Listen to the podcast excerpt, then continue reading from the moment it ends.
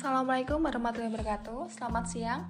Perkenalkan saya Andini Yulinda dari Prodi Ekonomi Pembangunan Angkatan 2019 Dengan NIM 1923002 Akan menyampaikan jawaban ujian akhir semester mata kuliah Ekonomi Pendesaan bagian soal terakhir soal nomor 7 Poin A. Menghadapi pandemi COVID-19, apa saja prioritas penggunaan dana desa tahun 2021 ini? Karena pandemi, pemerintah pun mengeluarkan sebuah terobosan yaitu dengan mengeluarkan program padat karya dengan skema Cash for Work. Apa itu program padat karya?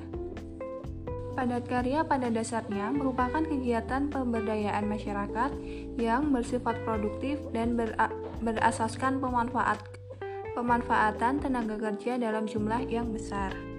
Kemudian untuk skema Cash for Work merupakan salah satu bentuk kegiatan padat karya yang diharapkan bisa menyerap tenaga kerja dalam jumlah yang besar dengan memberikan honor atau upah secara langsung tunai kepada tenaga kerja yang terlibat secara harian maupun mingguan dalam rangka memperkuat daya beli masyarakat, meningkatkan pertumbuhan ekonomi dan kesejahteraan masyarakat.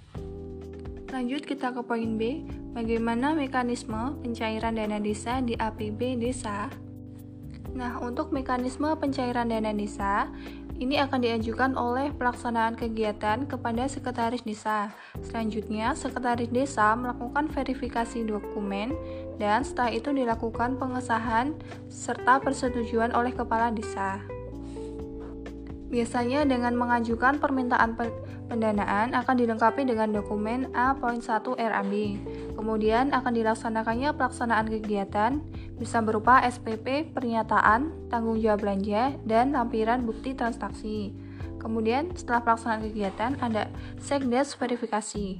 Sekretaris desa wajib meneliti kelengkapan, menguji kebenaran perhitungan tagihan, menguji ketersediaan dana, dan menolak permintaan pembayaran bila tidak memenuhi persyaratan.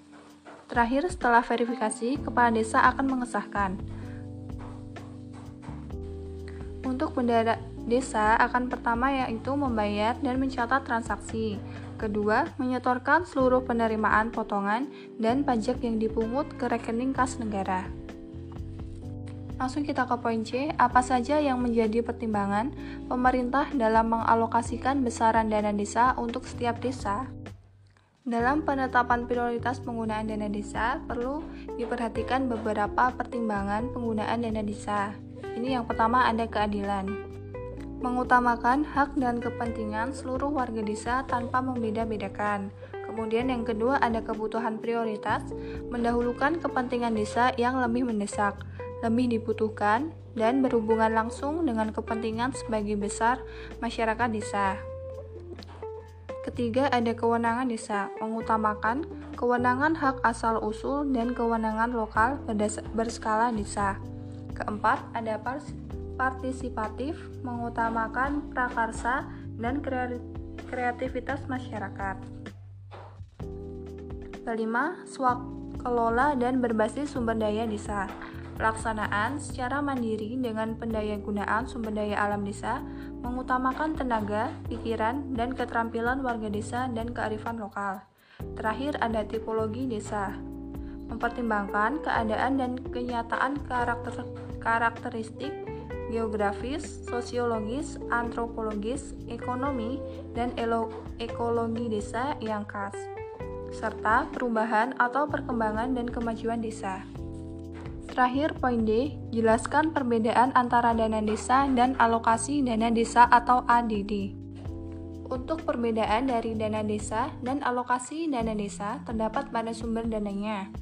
Dana desa akan bersumber dari APBN, kemudian untuk alokasi dana desa akan bersumber dari APBD, yaitu minimal sebesar 10% dari DAU ditambah dengan DBH. Kemudian untuk pengertian dari dana Dana desa sendiri merupakan dana yang bersumber dari anggaran pendapatan dan belanja negara atau APBN yang diperuntukkan bagi desa yang ditransfer melalui anggaran pendapatan dan belanja daerah atau APBD kabupaten atau kota untuk membiayai penyelenggaraan pemerintahan, pelaksanaan pembangunan, pembinaan kemasyarakatan, dan pemberdayaan masyarakat. Sedangkan pengertian dari alokasi dana desa atau ADD merupakan dana perimbangan yang diterima kabupaten atau kota dalam rangka pendapatan dan belanja daerah atau APBD setelah dikurangi dana alokasi khusus atau DAK. Nah, sekian dari saya podcast untuk menjawab UAS Ekonomi Pedesaan bagian soal terakhir, soal ketujuh. Sekian, terima kasih. Wassalamualaikum warahmatullahi wabarakatuh.